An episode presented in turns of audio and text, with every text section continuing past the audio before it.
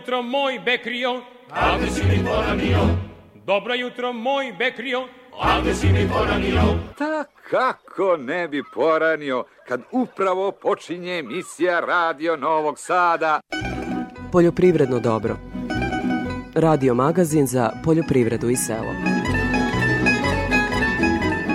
Pred mikrofonom je Stevan Davidović.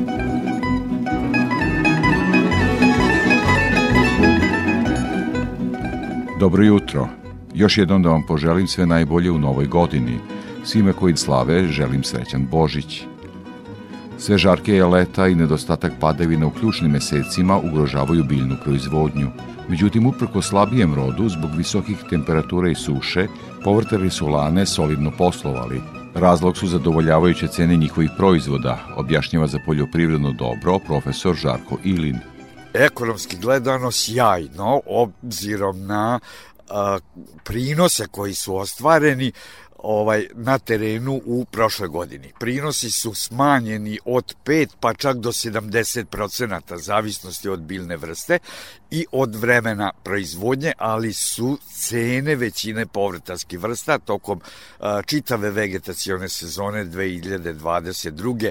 bile na zadovoljavajućem nivou, čak bi ja rekao i značajno, značajno iznad proseka, što je ostavilo pozitivne finansijske e, efekte kod većine profesionalnih proizvođača, kolega agronoma, e, zadruga, firmi, kompanija koje se bave povrtarskom proizvodnjom. E, cene još uvek su na zadovoljavajućem nivou, tako da očekujem da će vrlo slična situacija biti i u 2023.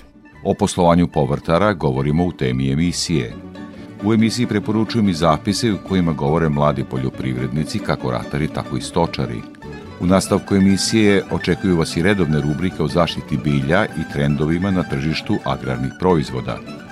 Toliko u uvodu o najavljenim temama. Nakon muzike, kao i uvek, prvi minuti biće rezervisani za izveštaj agrometeorologa –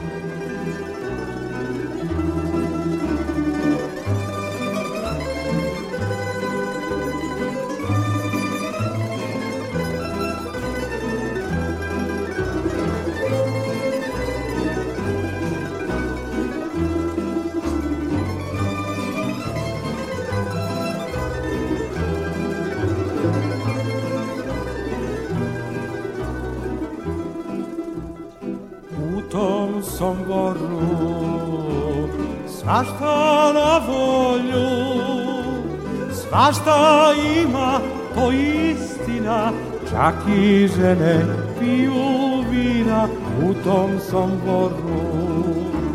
Svašta ima, to istina, čak i žene piju vina u tom somboru.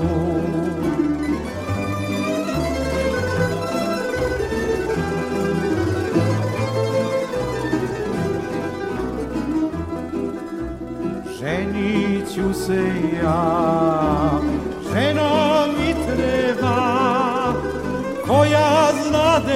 dobro radit a ja ću se gospodarit u tom somboru koja znade dobro radit a ja ću se gospodarit u tom somboru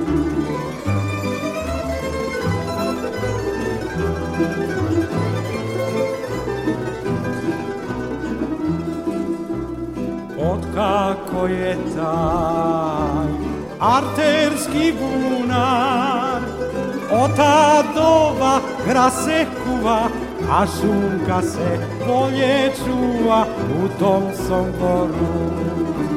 Ota doba gra se kuva, a šunka se bolje čuva u tom somboru.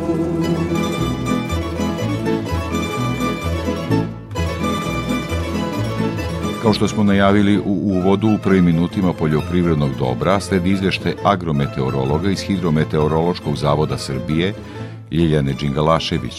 Početak 2023. godine obeležilo je neuobičajeno toplo vreme za ovo doba godine i u većini dana bez padavina. Minimalne temperature vazduha bile su za 2 do 7 stepeni iznad proseka, a maksimalne dnevne bile su u intervalu od 5 do 20 stepeni. Ponegde je bilo slabih mrazeva na 2 metra visine, kao i u prizemnom sloju vazduha, gde je samo u par mesta zabeleženo minus 4 stepena. Tokom proteklih dana prevladavali su povoljni agrometeorološki uslovi za sve prezimljujuće poljoprivredne kulture. Pojava prizemnih mrazeva nije predstavljala opasnost za ozima žita, jer su dobro pripremljena za zimsko mirovanje. Pored toga, visoke maksimalne temperature vazduha nisu ometale mirovanje višegodišnjih voćnih kultura i vinove loze, koje se u ovom delu godine nalaze u biološkom zimskom mirovanju. Tokom većeg dela protekle sedmice bilo je suvo vreme. U drugoj polovini nedelje samo u nekoliko mesta su zabeležene sasvim slabe padavine sa zanemarljivim količinama. U poslednjih mesec dana na najvećem delu teritorije naše zemlje bilo je od 50 do 100 procenata više vodenog taloga od proseka za ovo doba godina. Dospele padavine u dosadašnjem delu jeseni i zime obezbedile su dobru zalihu vlage u dubljim slojevima obradivog zemljišta, što će imati veliki značaj početkom vegetacijonog perioda. Uglavnom suvo vreme pogodovalo je obavljanju radova u voćnjacima i vinogradima. Vremenski uslovi u proteklom periodu pogodovali su povećanoj aktivnosti štetnih insekata i glodara. U usevima ozimih strnih žita ima cikada i biljnih vaši, a na parcelama pod ozimom pšenicom ima aktivnih rupa od poljskih miševa. U pogledu biljnih bolesti na ozimom ječmu ima simptoma mrežaste pegavosti lista ječma i pepelnice žita, a u usevima pšenice pepelnice žita i sive pegavosti lista pšenice. Prema prognozi posle prijatnog vikenda početkom sledeće sedmice očekuje se jačeno oblačenje i zahlađenje sa kišom uz pojačan severozapadni vetar. Usled pada temperature kiša će preći u sneg prvo na planinama, a u utorak uveče i u toku noći i u nižim predelima južne i jugoistočne Srbije uz stvaranje snežnog pokrivača. Od srede bi u većini mesta prevlađivalo suvo vreme. Kratkotrajna prolazna na oblačenja sa kišom na planinama sa snegom prognoziraju se u četvrtak i krajem naredne sedmice. Temperatura vazduha bi uz manja kolebanja bila oko ili malo iznad uobičajenih vrednosti za ovaj deo zime. U jutarnjim časovima bi bilo uslova za pojavu slabih, a u prizemnom sloju vazduha i umerenih mrazeva. EPP pesticidi, đubriva, semena i još oko 2000 artikala za poljoprivredne proizvođače, uz besplatan prevoz, stručne savete i mogućnost kreditiranja. Hemoslavija, Novi Sad, Stevana Sinđelića 17, na putu za veternik. Hemoslavija 021 63 11 666. EPP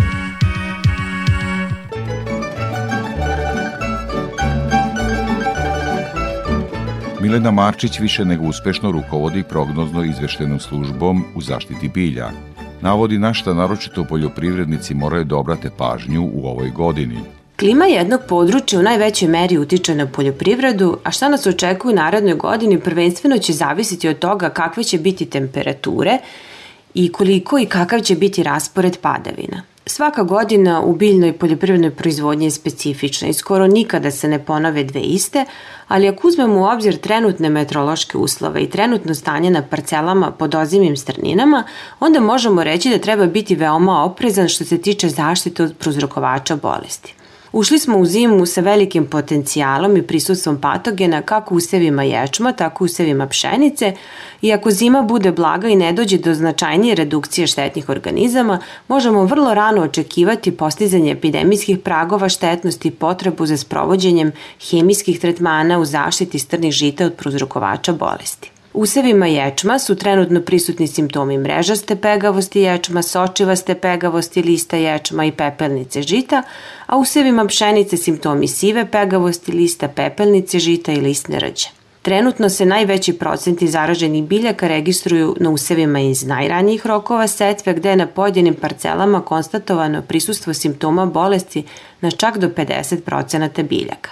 Dakle, ono što već sada možemo preporučiti našim slušalcima je od ranog proleća redovan monitoring useva i praćenje stanja na parcelama kako bi na vreme reagovali i sačuvali zdravstveno stanje ovih strateški značajnih kultura. Godinama unazad je prisutna tendencija povećanja površina pod uljanom repicom i treba obratiti pažnju na prisustvo insekata u ovim usevima, pogotovo po izlasku iz zime. Mi ove godine očekujemo ranu pojavu male i velike repičine pipe, već tokom e, februara, a hemijski tretmani se sprovode pre i na samom početku polaganja jaja, o čemu ćemo redovno obaveštavati naše slučaoce, a na osnovu monitoringa u polju. Insekti su obeležili godinu za nama, pa tako očekujemo i njihovo značajno prisustvo u nastupajućoj vegetaciji, pogotovo štetočina koje se već godinama javlja u visokoj brojnosti nanose velike štete poput kukuruznog plamenca, kukuruzne ili pamukove sovice i raznih drugih vrsta štetnih sovica. Ako i pogledamo nekih 20 godina unazad, štetni organizmi koji su introdukovani na naše područje su uglavnom štetni insekti, od kojih su neke invazivne vrste poput zelene povrtne stenice, brown mramoraste stenice, azijske voćne mušice. I sada je već u potpunosti jasno da su se ove vrste odomaćile na našem proizvodnom području i da se sprovode i redovne mere kontrole koje prvenstveno zavise od monitoringa njihovog e, prisustva u polju, ali tu naši slušalci mogu da se oslane na prognoz izveštenu službu zaštite bilja koji ima jedan sveobuhvatan i kontinuiran monitoring štetnih organizama od najvećeg ekonomskog značaja u našoj poljoprivredi i koja će putem ove emisije informisati naše proizvođače šta je aktuelno u zaštiti bilja i koje mere treba sprovesti. Lepo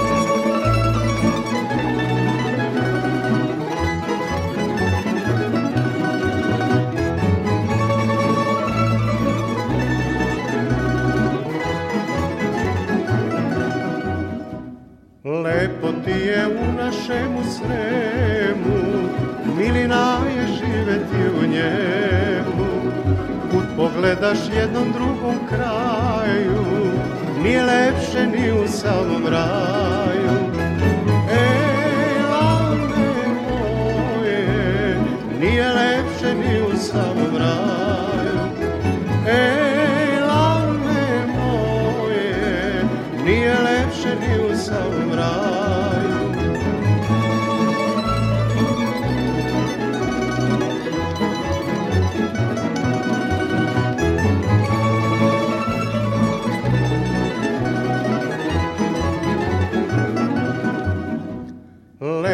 Lepa fruška, krasni vinogradi, plodna polja i šivici mladi.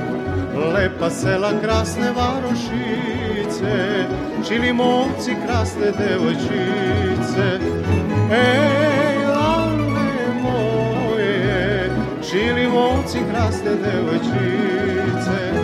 Ej, lane moje, čili momci, krasne devojčice.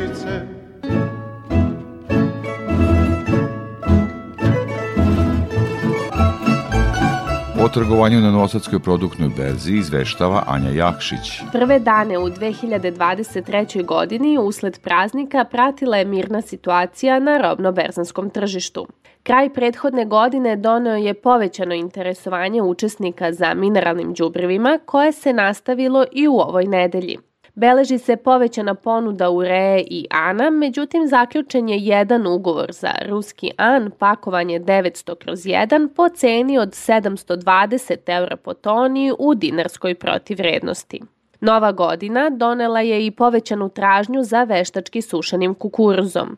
Kupci su bili na cenovnom nivou od 31 dinar 50 para do 31 dinar 80 para po kilogramu bez PDV-a u zavisnosti od analize na aflatoksin i dužine lagera. Međutim, s druge strane, ponuda gotovo da izostaje, te do zaključenja ugovora nije došlo. Na tržištu pšenice je izražena manja aktivnost. Kupci su bili zainteresovani za pšenicu sa minimum 11,5% proteina, što je rezultiralo zaključenjem ugovora za pšenicu sa produženim lagerom do kraja februara. Prva registrovana cena ove žitarice u ovoj godini iznosi 34 dinara 30 para po kilogramu bez PDV-a, što je blago viši cenovni nivo u odnosu na kraj prethodne godine.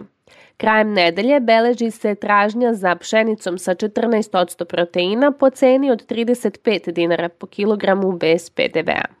Stočni ječam nudio se u cenovnom rasponu od 34 dinara 30 para do 34 dinara 50 para po kilogramu bez PDV-a, ali nije došlo do realizacije ugovora. Na tržištu uljarica sa druge strane izostaje interesovanje i kupaca i prodavaca. Produktna berza želi vam sve najlepše u novoj godini i srećne praznike.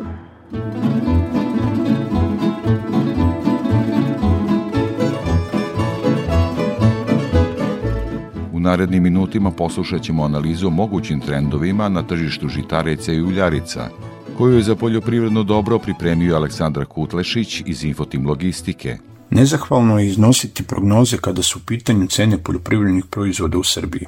Pre svega, što smo osjetili od tržište kako po veličini, tako i geopolitički. U to smo se uvjerili prethodne godine sa početkom vojne intervencije u Ukrajini. Ono što situaciju čini neizvesnijom je nepoznanica o produženju sporazuma o izvozu iz ukrajinskih luka koji ističe sredinom marta. Ako bi se sporazum produžio ili se vojna intervencija završila, evo kakav bi bio uticaj cena u Crnomorskoj luci Konstance i lukama Severne Italije. Ali pre nego što uporedimo te cene, ukazao bih na par bitnih parametara. Naime, bitan faktor je količina roda i da li imamo viška za izvoz. Pre svega tu mislim na pšenicu i kukuruz, dok soju i suncokret u najvećoj meri prerađujemo. Kada je rod solidan, najviše se izvozi u Rumuniji, zapravo rečnim transportom u luku Konstanca, a posle toga u Italiju. S obzirom na to da prošla godina nije bila referentna ili je bila sušna, pa smo imali slabiji rod, vam podatak o izvozu kukuruza i pšenice u 2021. godini. Tada smo izvezli 2 miliona i 330 hiljada tona kukuruza i milion i 153 hiljade tona pšenice. Od toga u Rumuniju smo izvezli 520 hiljada tona pšenice i milion i 245 hiljada tona kukuruza dok je u Italiju izvešeno 340.000 tona pšenice i 435.000 tona kukuruza. Dakle, u rodnim godinama preko polovine žitarica namenjenih izvozu završi u Rumuniji i Italiji.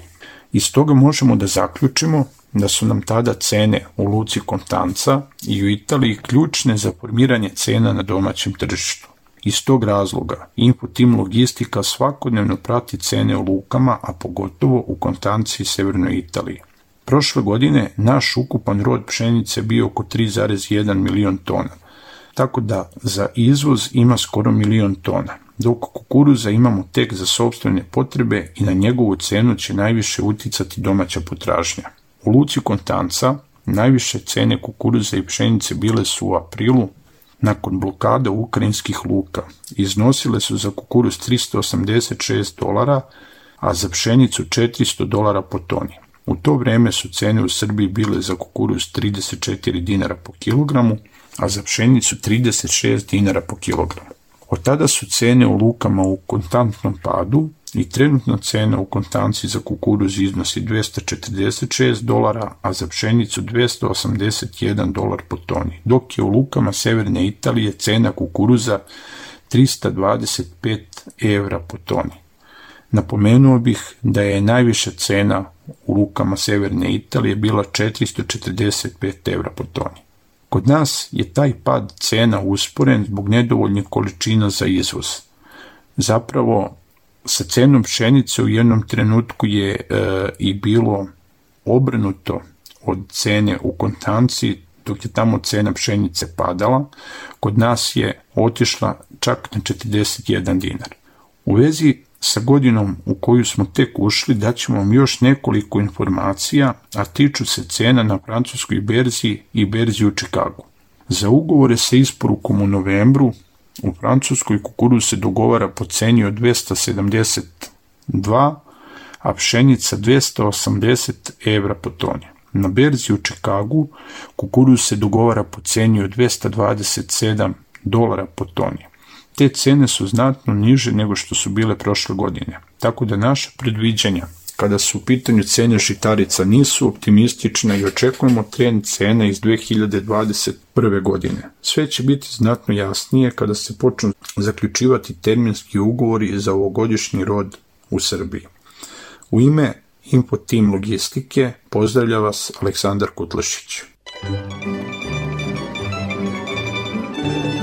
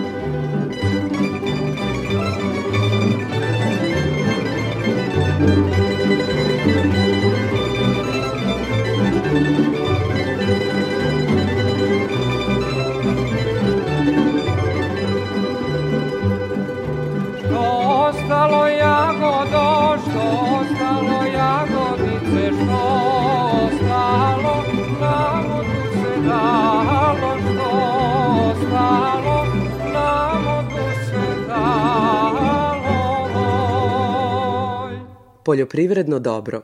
Radio Novi Sad. Tema emisije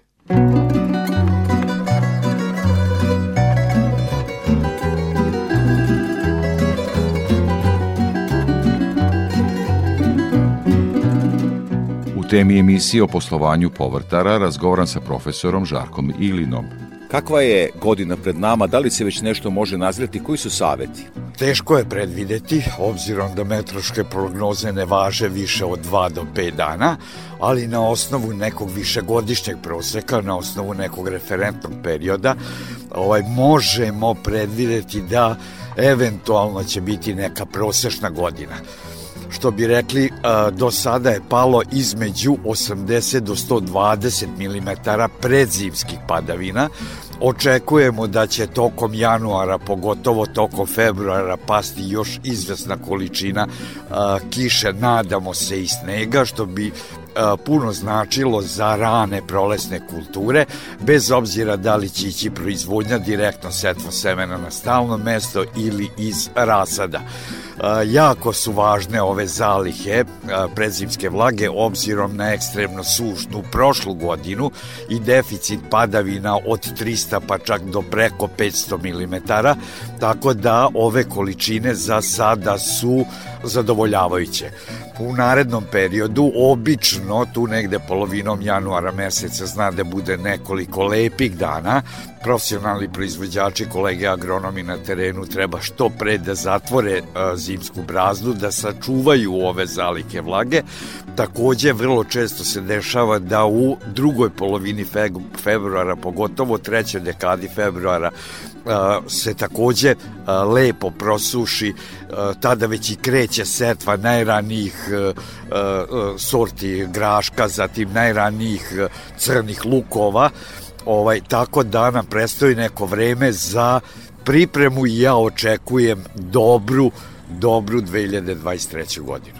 Ja predlažem da se kratko vratimo u istoriju, dakle u prethodnu godinu, ekonomski gledano, kako su prošli naši, da tako kažem, poljoprivrednici ekonomski? Ekonomski gledano sjajno, obzirom na a, prinose koji su ostvareni, ovaj na terenu u prošloj godini. Prinosi su smanjeni od 5 pa čak do 70% zavisnosti od biljne vrste i od vremena proizvodnje, ali su cene većine povrtarskih vrsta tokom a, čitave vegetacione sezone 2022.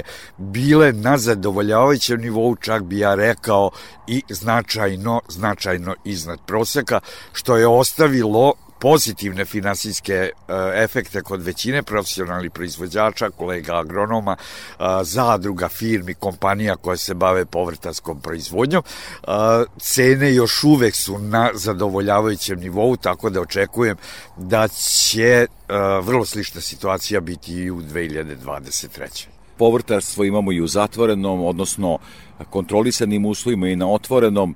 Šta su preporuke i šta su, da kažem, neke, neke, neke opasnosti koje nas očekuju? Pa, tendencije u svetu su da uh, površine pod zaštićenim prostorom značajno rastu, čak po stopi od preko 30% godišnje, što je izuzetno visok procenat. Razlog za to je mogućnost kontrole svih mikroklimatskih uslova, uh, ostvarenje ekstra visokog kvaliteta većine povratarskih vrsta, naravno i visokog prinosa. Ali visokog prinosa ekstra prve i prve klase koja konstantno čitavom vegetacionom sezonom ostvaruje daleko više cene gotovih, upakovanih i plasiranih proizvoda, nebitno da li se radi o svežoj potrošnji ili potrebama prerađivačke industrije.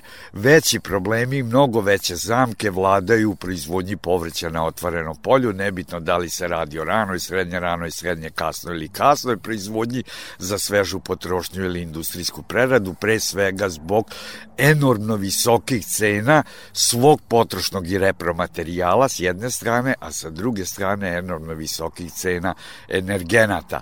A poznato je da cene a, svežeg povrća proizvedenog sa otvorenog polja su više struko niše od cena a, povrća proizvedenog u različitim oblicima i tipovima zaštićenog prostora, što onda u mnogome otežava profesionalnim proizvođačima izvesnost uspešno završene završene godine.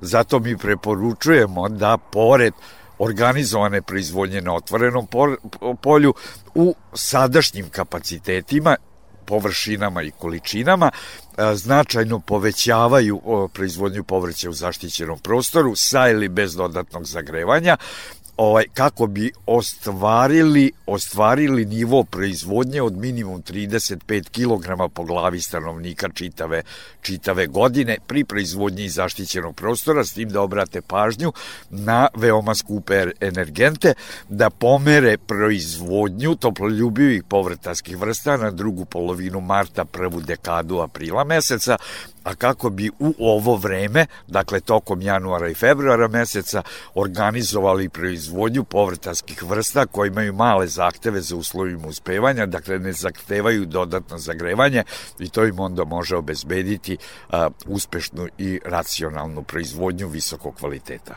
Koje su to povrtarske kulture, profesore, koje su se pokazale perspektivne poslednjih godina i na koje poljoprivrednici treba da obrate pažnju u smislu da ih uvode sve više u proizvodnju kada je reč o tržištu domaćem i za izvoz? Pa, poznato je da je više godina unazad bilo problema sa cenama krompira.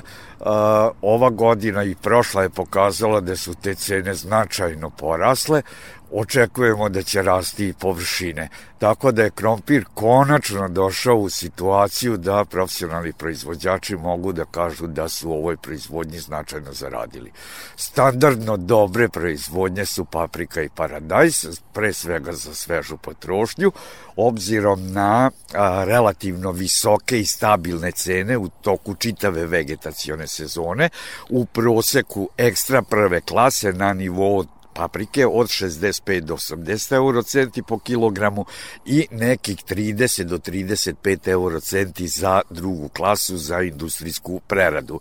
Još je bolja situacija u proizvodnji paradajza, gde su prosečne cene značajno iznad 85 eurocenti za prvu klasu, odnosno na nivou negde između 10 i 12 eurocenti za drugu klasu i za industrijsku preradu, ali obzirom na visinu prinosa po jedinici površine, a oni se kreću na nivou zavisnosti od profesionalnog proizvođača do proizvođača, na nivou 65 pa čak do 120 tona.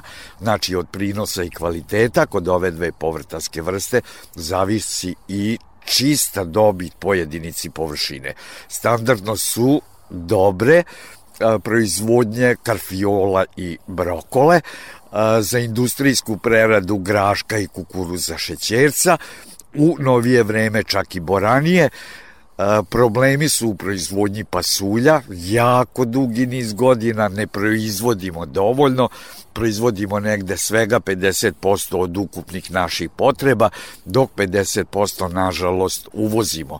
Posebno je to, te probleme pokazala 2022. godina gde su prinosi pasulja bili izuzetno niski, čak od velikog broja profesionalnih proizvođača nisu pokrili ni troškove, troškove proizvodnje i pored relativno visoke cene pasulja sada na tržištu, ovaj, tako da očekujemo da se ovoj biljnoj vrsti u nekom narednom periodu posveti mnogo više pažnje sa aspekta aspekta subvencija i omogućavanja profesionalnim proizvođačima što jeftinijeg e, potrošnog i repromaterijala kako bi ovu biljnu vrstu vratili na neki period od pre 30 godina, jer je poznato da a, građani Srbije, regiona za svoj opstanak puno toga duguju ne samo povrću nego i pasulju. S obzirom na sve žarkija leta, promenu klime, e, gde će se morati menjati tehnologija, korigovati senčenja i ostalo, gde su kritične tačke? Puno je parametara koje profesionalni proizvođači rešavaju sada u hodu. Već smo rekli na početku emisije da vode jako računa o skladištenju, čuvanju zaliha predzimske vlage, tako zimske i rano prolesne sa jedne strane, sa druge strane jako su važni rokovi setve, odnosno sadnje, tu se mogu učiniti i napraviti značajne uštede, zatim jako je važna ishrana. Pravovremeno po fazama rasta i razvića kako bi ublažili negativne efekte abiotičkog stresa izazvanih ekstremno visokim temperaturama, temperaturama ne u periodu od 1, 2, 3 dana, nego u periodu od 60 do 70 dana, koliko to u ekstremno sušnim uslovima, nepovoljni uslovi, odnosno abiotički stres vlada. I na kraju jedna od najskupljih agrotehničkih mera je navodnjavanje, ovoj meri pristupiti isključivo sa znanjem, isključivo na bazi kontrole vlažnosti zemljišta i po fazama rasta i razvića obezbediti tačno potrebnu količinu vode, po fazama rasta i razvića kako se ne bi sa ovom agrotehničkom merom rasipali, pogotovo ako kao e, energet koristimo e, dizel ili eurodizel. Nešto manji problemi su oni kod onih koji kao energet koriste električnu energiju, ali su to relativno male površine kod nas. Ja očekujem da će se one u nekom narednom periodu širiti kako bi pojeftinili ovu izuzetno skupu meru tim pre što je u toku vegetacione sezone, zavisnosti od dužine vegetacije pojedinih povrtarskih vrsta, neophodno dodati od minimum 250 pa čak do 750 mm i ako imamo u vidu da milimetar dodate vode košta od minimum evro i po, često čak 2 evra po milimetru dodate vode ili kod starih agregata i do 4 eura, to je sasvim jasno da se ovoj agrotehničkoj meri mora konačno pristupiti racionalno sa znanjem, a kako bi ona dala maksimalne efekte. I za kraj razgovora, profesore, ono što verovatno muči mnoge naše povrtare jeste radna snaga, sve su praznija sela, povrtarstvo zahteva mnogo radne snage. Šta je tu rešenje i kakve su perspektive? Bravo, sjajno ste primetili jedan bolni problem u poslednjih deseta godina, zato mi insistiramo na mehanizovanosti tehnološkog procesa proizvodnje, počev od mehanizacije i mogućnosti primene određenih mera u proizvodnji rasada, zatim e, osnovne obrade, precetvene pripreme, e, postavljanja malč folije, kapajućih traka, setve, odnosno sadnje, sprovođenja svih redovnih mera nege e, po jedinici površine, kako bi broj radnika sa 4 po hektaru u proizvodnji na otvorenom polju, 365 dana u godini, sveli na jedan jednog i po radnika, a to je moguće mehaniz, uvođenje mehanizacije u tehnološki proces proizvodnje i smanjenjem broja radnika u proizvodnji povrća u zaštićenom prostoru sa 10 po hektaru, odnosno jednog na 1000 metara kvadratni, na bar polovinu, dakle 5 po hektaru ili ti a, neki 1000-1500 metara kvadratni po jednom radno sposobnom u porod, na porodično komercijalnom gazdinstvu, to u značajnoj meri će ublažiti nedostatak fizičke radne snage tokom čitave godine. Profesor Žarko Ilin, veliko vam hvala za ovaj razgovor. Molim i drugi put. nedavno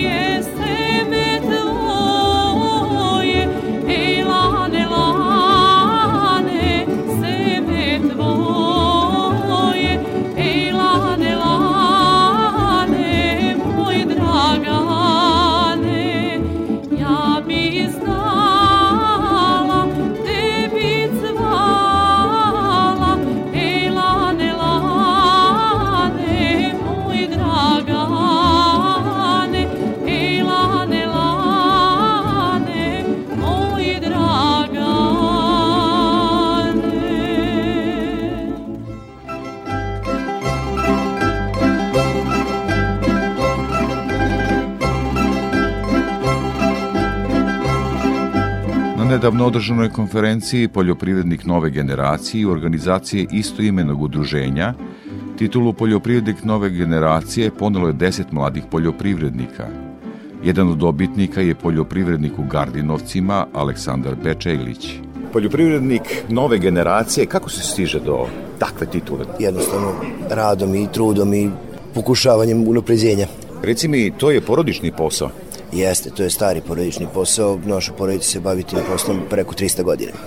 I ti si inovirao šta, da tako kažem? Inovirano je to što se stalno kupuje nova mehanizacija i ulaže se u proizvodnju i u nove hibride i nova, nova džubriva veštačka i Da krenemo malo od agronomije. Sa kojim površinom zemljišta raspolažeš?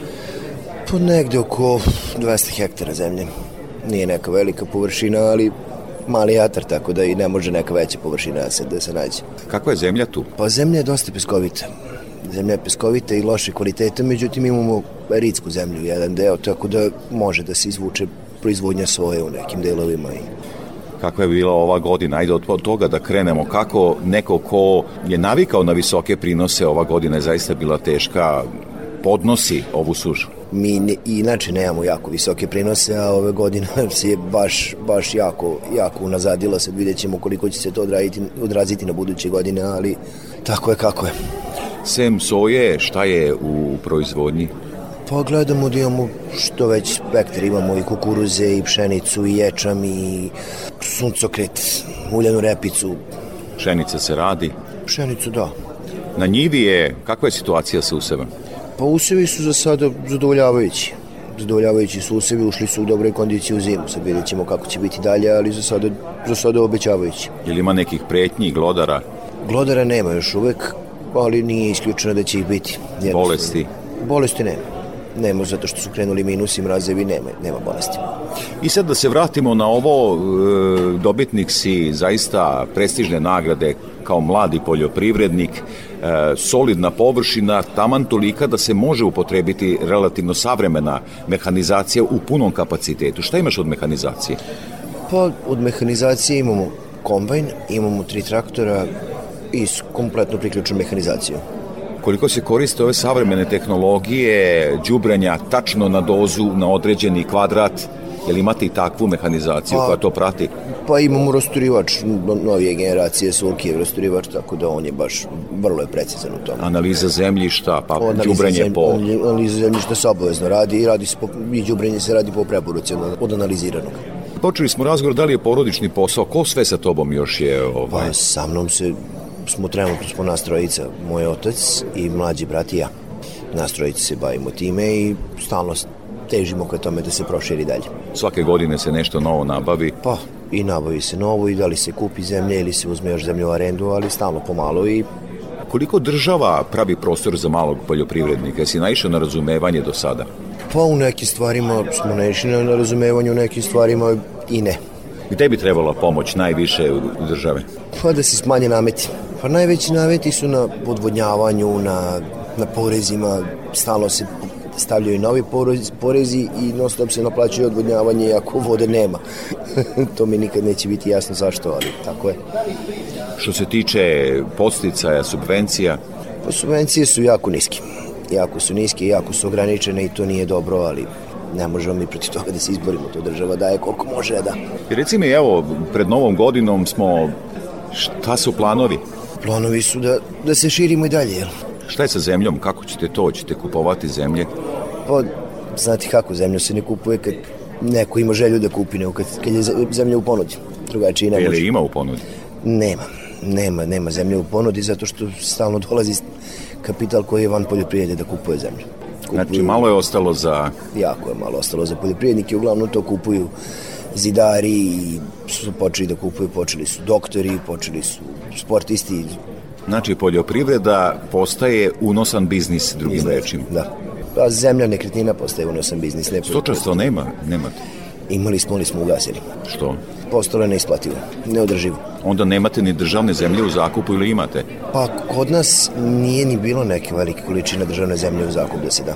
I evo, možda za kraj razgovora, e, kao mladi poljoprivrednik, evo i dobitnik nagrade, zaista prestižne za, za uspeh u agraru, jer ima još mladih u, u, u tvom ataru koji kotiraju gde i ti ili primećuješ baš neku nezainteresovanost. Kakva je situacija uopšte kada su mladi u pitanju? Pa znate kako, u Gardinovcima u našem ataru ima, pored brata i mene, ima još 4-5 momaha koji se bave poljoprivredom, svi su ostali, otišli, zaposlili su u firme i dali su jednostavno zemlju u arendu, u, u, u podzakup i Oni nisu videli ono iz malopređašnjeg razgovora da, da je to biznis. da, oni jednostavno Nažalost. ne mogu sebe da nađu u tome i to je to. Veliko hvala za ovaj razgovor. Hvala vam.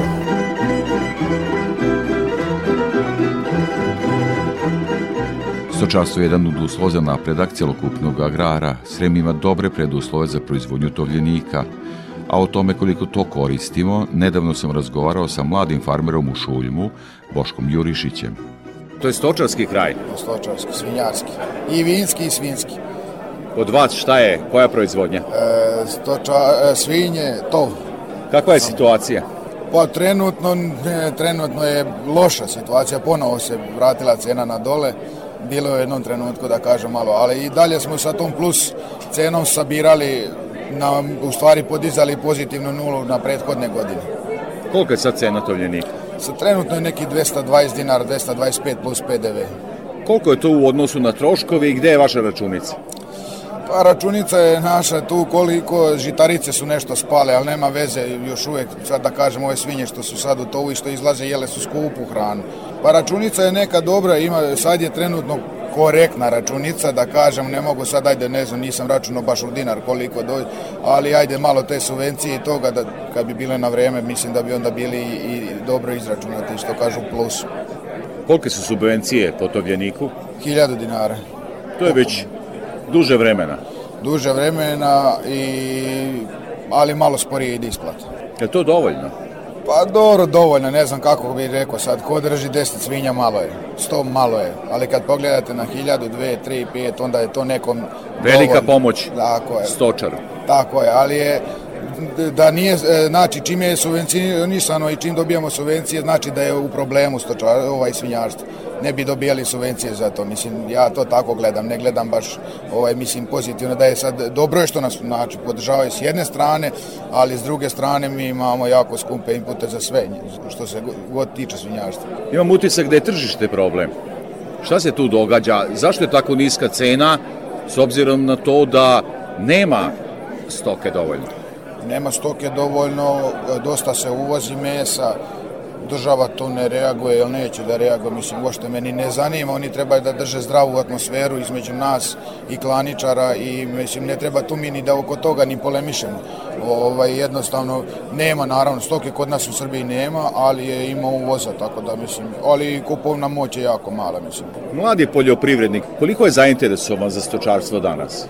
Ne znam kako bi rekao, ja znam sebe, znam da to je moja ljubav, moj, moj život, ja sam odrastao tu, treća generacija sam što se bavi sa tim, tako da mislim da, ali naravno mora se i voleti, ne može samo raditi, mislim, bez obzira, jel, na sve, ovaj, ali sad koliko je to nekom izazov ili je ljubav, sad već to je drugo pitanje. Jel, imaš svoje ratarstvo, hrana, a veći, no, pa najveći deo, pa imamo, dopunjuje se da kažem pola pola stočarstvo i, i ratarstvo, ovaj, imamo našu svoju, da, naš kukuruz i znači tako da možemo i da izađemo u lošem trenutku, u lošim situacijama, ima da izađemo na neku pozitivnu nulu.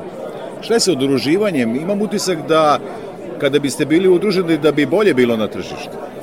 Pa bilo bi bolje, ali nemamo s kim da se udružimo.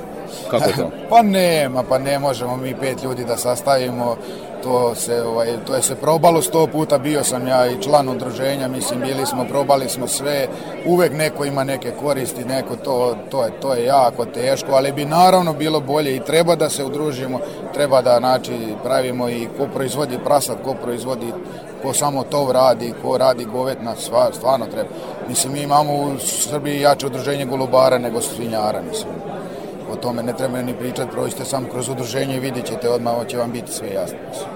E sad, ovde je reč o mladim poljoprivrednicima. Evo, ti si mlad poljoprivrednik. Savremene tehnologije, koliko to pratiš? E, dansku tehnologiju u proizvodnji, rasni sastav, gde mi tu kotiramo? Pa pratimo naravno, 2017. smo izgradili nov objekat, tad je bila, država je davala dobre subvencije za objekte nove, da kažemo da, da, da smo dosta digitalizovali poljoprivredu mi, naše gazdinstvo, dosta se radi analiza zemlje, e, gleda se tu da se ne daje, da se ne, ne, ne baca, ne gubimo na glupostima, jel, naravno, ovaj, dosta se usavremenizovalo sa mehanizacijom, dosta se to, da kažemo, na dugme namestilo tovilište, malo jako treba radne snage, jer je problem, jer nema radne snage. Pratimo to i trudimo se da ispratimo, mislim, koliko možemo. Neka poruka proizvođačima koji te sada slušaju, mladci, dugo godina u tome, generacije u tome, šta je put pravi? Pa nema, put je pravi, samo treba prave odluke da se donose. Kod nas se svaka odluka donosi konsenzusom, tako da ne može da bude glupi i neželjeni dejstava, što kaže ovaj, moj deda, ovaj, gledat ćemo da jedno 15 puta ovaj, izmerimo, a možda 16 i odsečemo. Tako da treba dobro razmisliti, dobro se ovaj, treba koristiti i subvencije, koristiti i kredite i treba se, ne treba se bojati, ali ako čovjek ima neku viziju dobru i ako to dobro ide, ja mislim da će to... Znači bio stari ili mlad, matematika je prva pa prva matematika, pa sve ostalo, jel? Naravno. Kako vaš deda kaže, znači to je presudno da se ide napred. Pa ne, mi smo uvek, od, jel kaže vam, mi smo nikad nismo sami donosili odluke, ni ja sam, ni moj otac, ni deda, nego uvek zajedno. I uvek se zajedno razrađivalo da to vredi i nikad, hvala Bogu, nismo do sad imali glupi koraka, tako da eto, zato i napredujemo. Evo, nabrali ste deda, dedu, oca, evo vi, jel imate vi porodica, naslednike, kako tu stvari stoje? Ja imam sina koji je četvrta generacija, ima tri godine trenutno i imam troje deci, imam dve čerke i sina i mislim, to mi je velika, to mi je jedino bogatstvo, sve ostalo je ništa. A preporučit ćete im da ostanu u agraru? Pa da, koliko je to, mislim, ne znam da li je više i pametno, ali šali se, naravno, pa to nam je, to nam je život, to nam je tradicija, šta da reći. Veliko ti hvala za razgovor. Ne, ne, ne,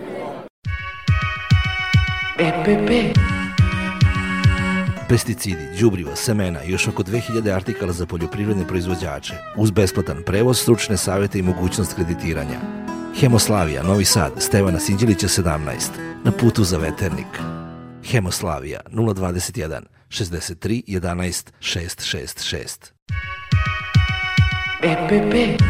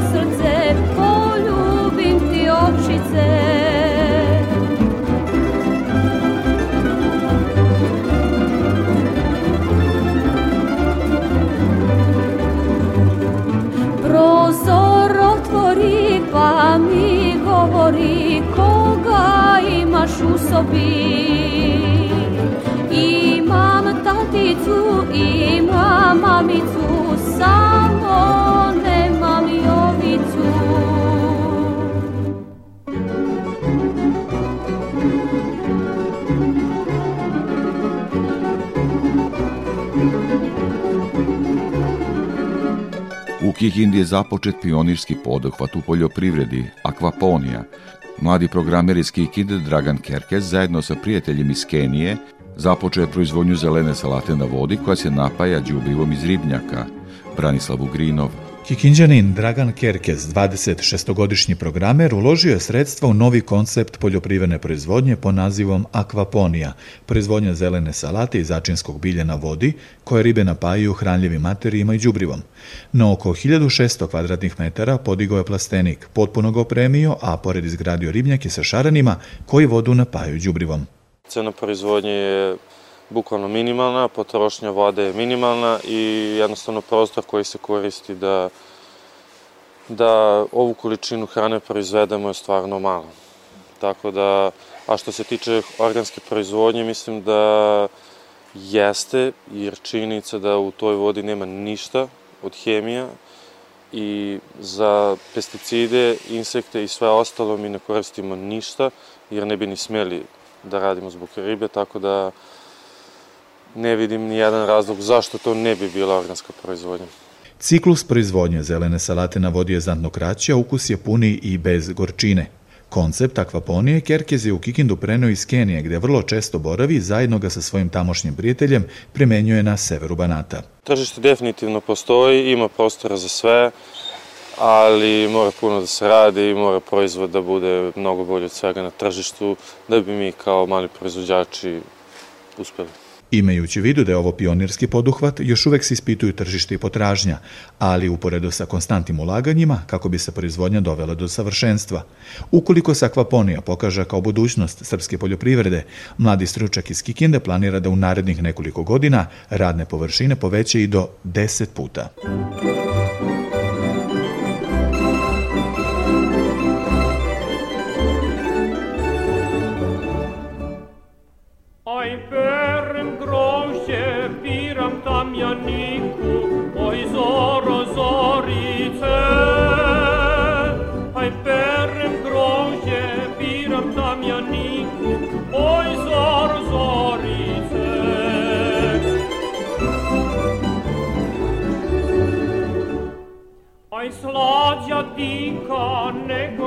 Janika, oi zoro zorice. Hai slat Janika, negutam Janika, oi zoro zorice.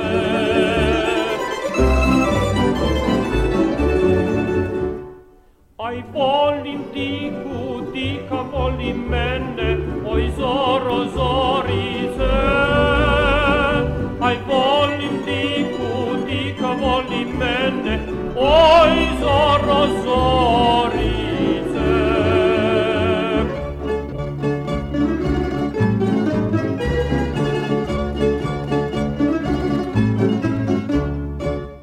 pred kraj emisije još jednom prognoza za narednu sedmicu. Iz Hidrometeorološkog zavoda Srbije Ljiljana Đingalašević. Prema prognozi posle prijatnog vikenda početkom sledeće sedmice očekuje se jačeno oblačenje i zahlađenje sa kišom uz pojačan severozapadni vetar. Usled pada temperature kiša će preći u sneg prvo na planinama, a u utorak uveče i u toku noći i u nižim predelima južne i jugoistočne Srbije uz stvaranje snežnog pokrivača. Od srede bi u većini mesta prevlađivalo suvo vreme. Kratkotrajna prolazna na oblačenja sa kišom na planinama sa snegom prognoziraju se u četvrtak i krajem naredne sedmice. Temperatura vazduha bi uz manja kolebanja bila oko ili malo iznad uobičajenih vrednosti za ovaj deo zime. U jutarnjim časovima bi bilo uslova za pojavu slabih, a u prizemnom sloju vazduha i umerenih brazeva.